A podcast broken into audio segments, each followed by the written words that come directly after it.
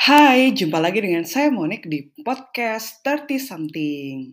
Di podcast ini saya akan membahas mengenai banyak hal, uh, mulai dari yang ringan sampai yang berat, mulai dari topik yang bisa dibahas sambil ketawa, atau uh, topik yang harus dibahas sambil minum kopi.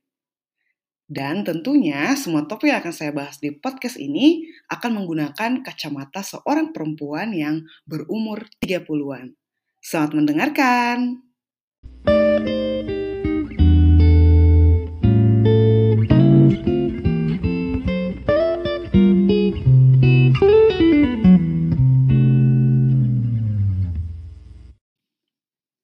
Berbeda dengan episode podcast sebelumnya, uh, topik kali ini itu murni apa ya pendapat pribadi dan apa namanya saya belum punya pengalaman, jadi yang saya sampaikan di episode kali ini bisa saja salah atau uh, apa namanya tidak menggambarkan realitas yang sebenarnya karena sudah banyak cerita tentang perempuan-perempuan uh, yang menjadi ibu dan saya yakin kisah mereka layak untuk diapresiasi dan semua perempuan punya cerita masing-masing ketika mereka menjadi ibu.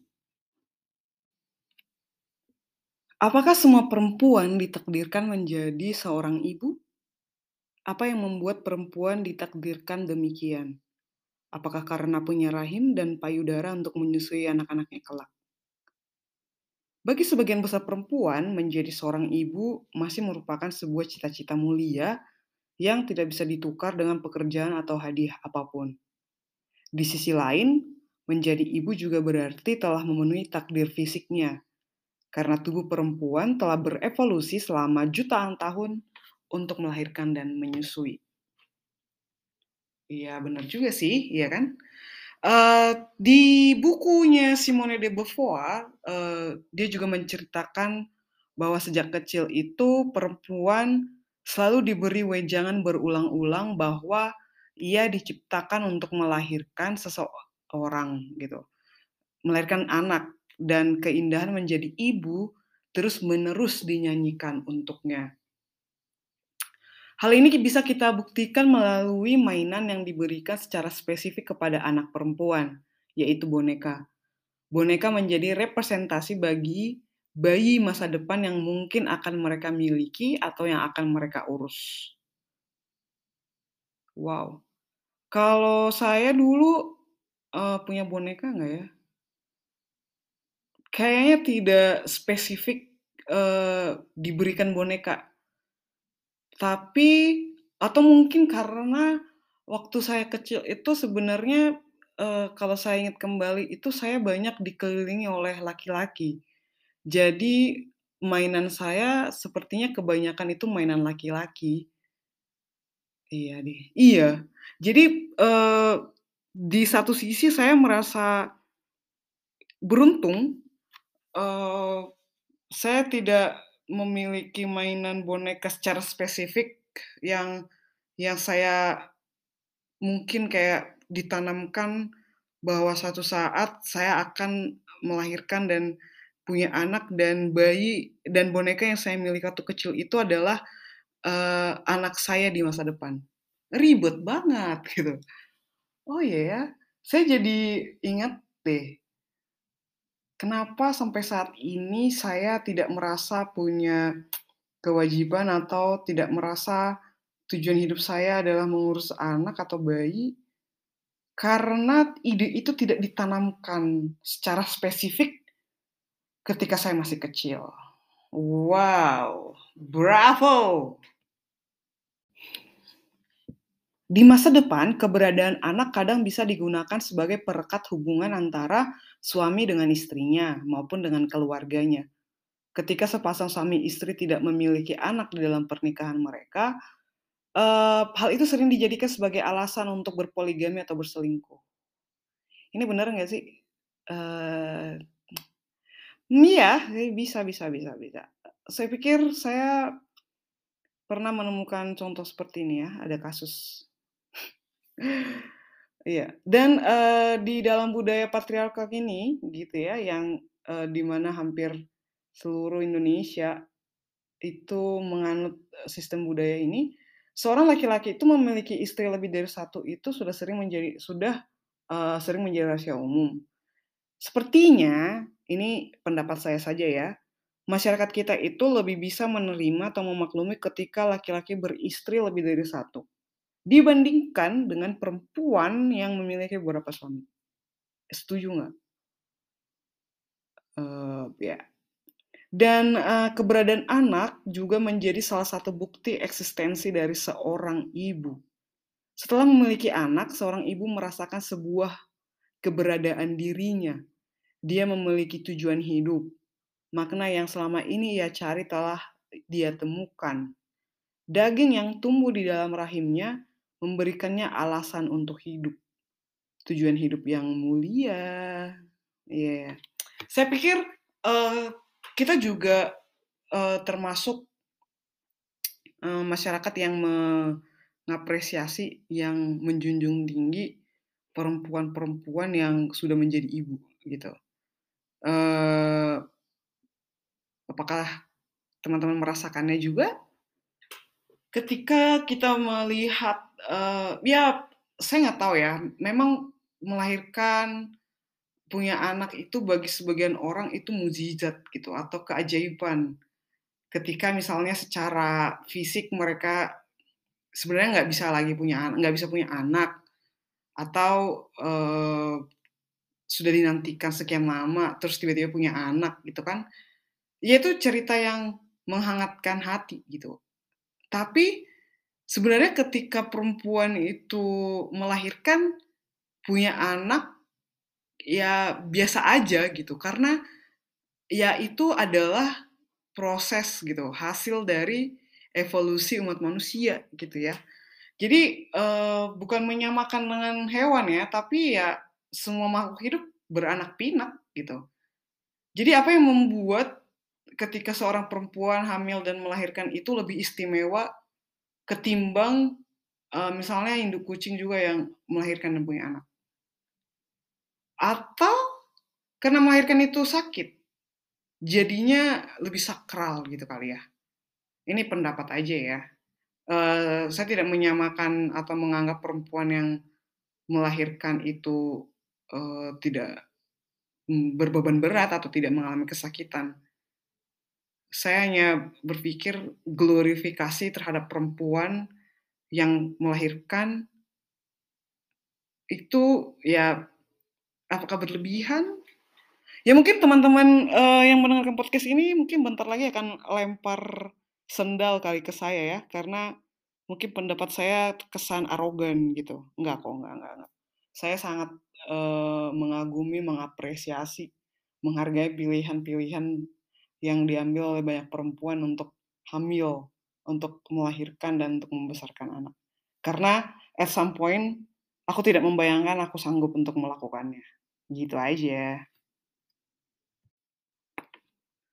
Terus menjadi ibu merupakan pekerjaan yang tidak mudah sih menurut saya.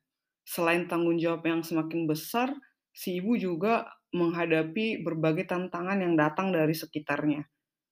Mendapatkan berbagai komentar, apalagi ya di era media sosial kita, di mana, eee, apa, sesama ibu saling, eee, mengejek atau mempertanyakan cara ibu lain dalam merawat anaknya, yang juga menurut saya menjadi salah satu penyebab banyaknya ibu-ibu muda yang mengalami depresi. Iya nggak? Dan juga, eee, apa ya, tantangan menjadi ibu muda menjadi ibu di di masa ini juga kupikir, apa ya, eee, lebih kayak jadinya lebih ke mental ya ketimbang dibandingkan misalnya kayak harus bangun jam 12 malam atau jam 3 pagi untuk menyusui anaknya misalnya. Karena tekanan yang mereka alami itu lebih ke tekanan mental gitu loh. Jadi mereka lebih capek secara mental ketimbang capek secara fisik gitu. Yang kadang-kadang ya ya capek fisik itu bisa disembuhkan dengan istirahat yang cukup, atau dengan makan makanan bergizi, sedangkan capek secara mental itu butuh waktu yang lama kan. Jadi itu sih yang saya lihat tantangan ibu-ibu zaman sekarang itu, banyaknya informasi yang ada di genggaman tangan kita, sehingga dan ada juga yang ini nih, membanding-bandingkan diri sendiri gitu loh dengan ibu yang, apa, terlihat happy gitu loh, eee, di postingan sosial me media sosialnya misalnya. Dan iya, itu menjadi saya pikir tantangan terberat untuk menjadi ibu muda di masa kekinian ini. Bagaimana dengan, eee, teman-teman semua yang mendengarkan yang mungkin saat ini, eee, sedang menyusui atau sedang menanti kelahiran anaknya atau, eee, sedang anaknya sedang rewel gitu? Apakah kalian merasakan beban yang lebih berat? Apakah kalian, eee, apa ya, kalau ingin memutar waktu, apakah kalian ingin kembali ke masa-masa muda kalian itu? Atau justru kalian menikmatinya sebagai bagian dari, eee, pilihan dan warna-warna kehidupan? Terus pertanyaan berikutnya adalah, apakah semua ibu itu baik? Dan tentu tidak asing di telinga kita ya, ketika kita mendengar berita ada ibu yang menyiksa anaknya, ada ibu yang membuang anaknya, ada ibu yang membunuh anaknya, dan lain-lain sebagainya. Dan, ya masalah juga berarti ya. Jadi, ketika menjadi ibu pun bukan berarti masalah jadi hilang gitu. Masalah hidup tetap ada, itu intinya. Eee, saya jadi ingat deh waktu jadi saya pernah ngobrol sama teman saya gitu dan saya bercerita, eee, bercerita tentang saya yang ya hampir sebulan bersama-sama dengan keponakan saya gitu kan. Dan at some point sebenarnya saya merasa, kok ya saya bisa sayang banget sama anak ini gitu. Padahal bukan saya yang melahirkan dia gitu, tapi kenapa saya bisa merasakan rasa sayang saya ini begitu dalam. Sampai kadang saya berpikir, kalau misalnya suatu saat ada pilihan diberikan kepada saya, apakah saya bersedia memberikan diri saya, mengorbankan diri saya untuk, eee, keberlangsungan hidup ponakan saya? Mungkin saya mau gitu kan, saya akan melakukannya dengan senang hati. Jadi saya bertanya, kok saya bisa, eee, punya pemikiran seperti itu gitu. Dan kemudian kami berdiskusi dan saya berpikir, mungkin saya bisa merasakan itu karena justru bukan eh, saya bisa merasakan itu justru karena dia bukan anak saya sendiri. Mungkin nggak? Jadi sepert karena saya tidak melalui masa-masa berat atau masa-masa, eee, penuh penyiksaan gitu kan, eee, ya which is, eee, maksudnya bukan menyiksa gimana ya, tapi karena kan kita memilih gitu loh, kita yang memilih untuk punya anak. Maksud saya, apakah karena saya tidak merawatnya dan tidak melewati masa-masa berat ketika menyusui atau, eee, kurang tidur atau darah tinggi atau kesal atau ketika stres ketika anak saya sakit misalnya. Jadi karena saya tidak mengalami itu, justru saya, eee, memiliki rasa sayang yang bebas gitu. Dan rasa sayang yang bebas ini, eee, memberikan saya kesempatan untuk bisa menyayangi dengan lebih baik, dibandingkan dengan ekspektasi saya. Apa mungkin begitu? Jadi apakah lebih mudah menyayangi anak orang, eee, karena tidak melewati masa-masa berat ketika merawat si anak itu? Ya kayak gitu deh. Nah, eee, di bukunya Simone de Beauvoir juga ada ada, eee, yang dikutip dari Stekel namanya, eee, jadi dia mengatakan seperti ini, "Anak-anak bukanlah pengganti cinta seseorang yang mengecewakan. Anak-anak adalah tanggung jawab dan kesempatan. Mereka bukan mainan, bukan alat untuk pemenuhan kebutuhan orang tua atau ambisi yang tidak terbalaskan. Mereka harus dibesarkan untuk menjadi manusia-manusia yang berbahagia." Nah, jadi kembali lagi ke pertanyaan dasar, eee, di episode kali ini, apakah ada ibu yang baik? Eh, bukan sih, semua ibu pasti baik. Oh, enggak juga sih. Apakah apa dong pertanyaannya ya? mmm, bagaimana menjadi ibu yang baik? Itu mungkin ya. Atau apakah semua ibu sebenar semua perempuan berpotensi baik? Eh, apakah semua perempuan berpotensi menjadi ibu yang baik? Tapi kan nggak semua perempuan juga memilih untuk menjadi ibu atau mau menjadi ibu. Eee, jadi pertanyaannya berarti apakah perempuan itu harus menjadi ibu?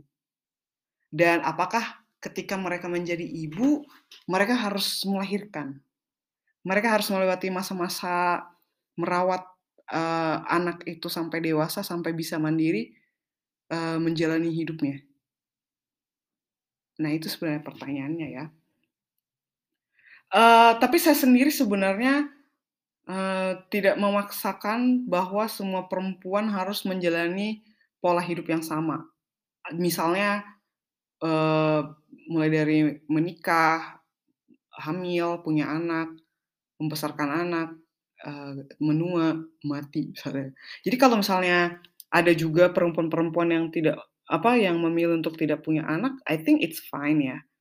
Dan apa, ketika ada perempuan yang belum sanggup dan tidak mau menjadi ibu, saya pikir kita harus menghargai pilihan itu.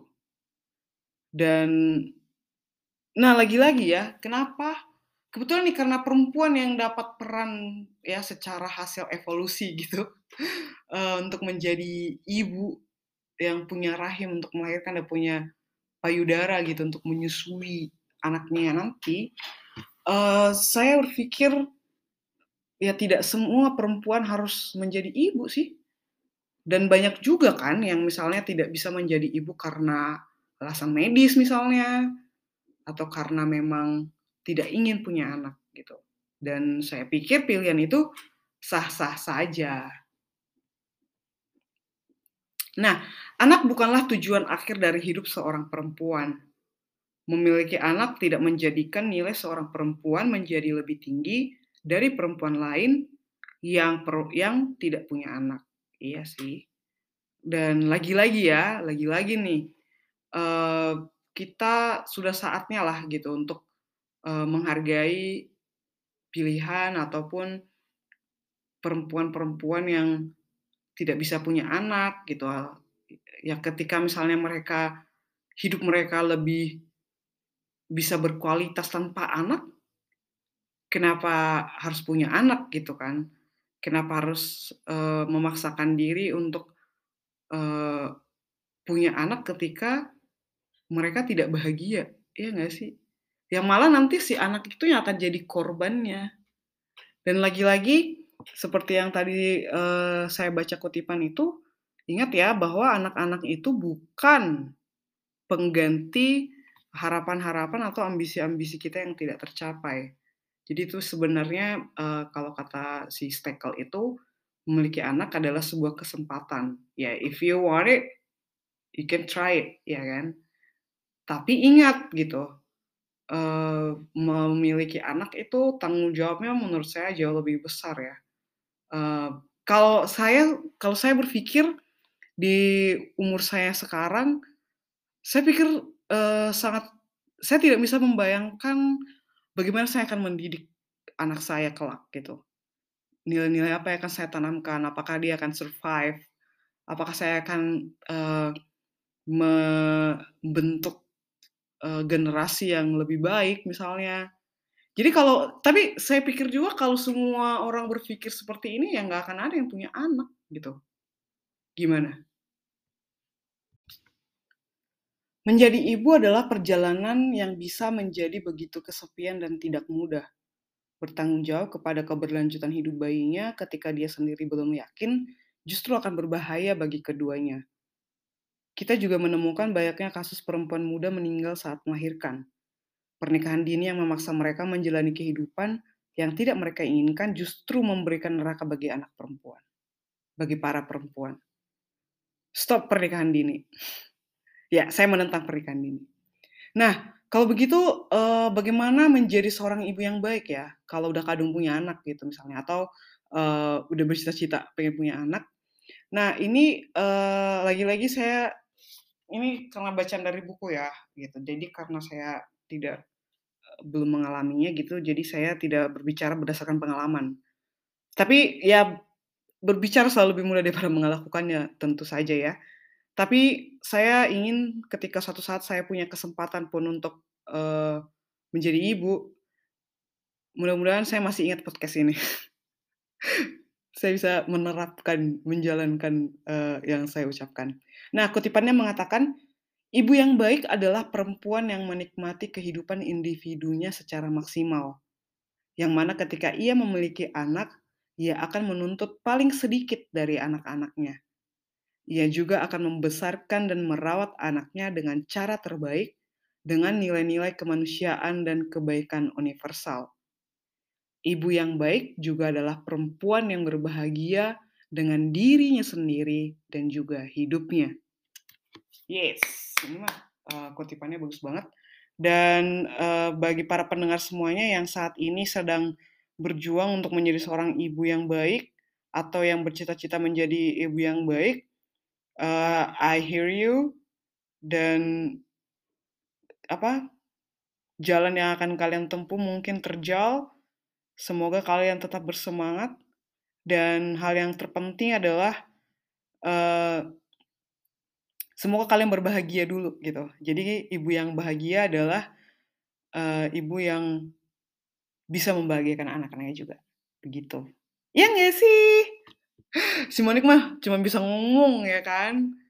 Oke deh, sampai jumpa di episode mendatang.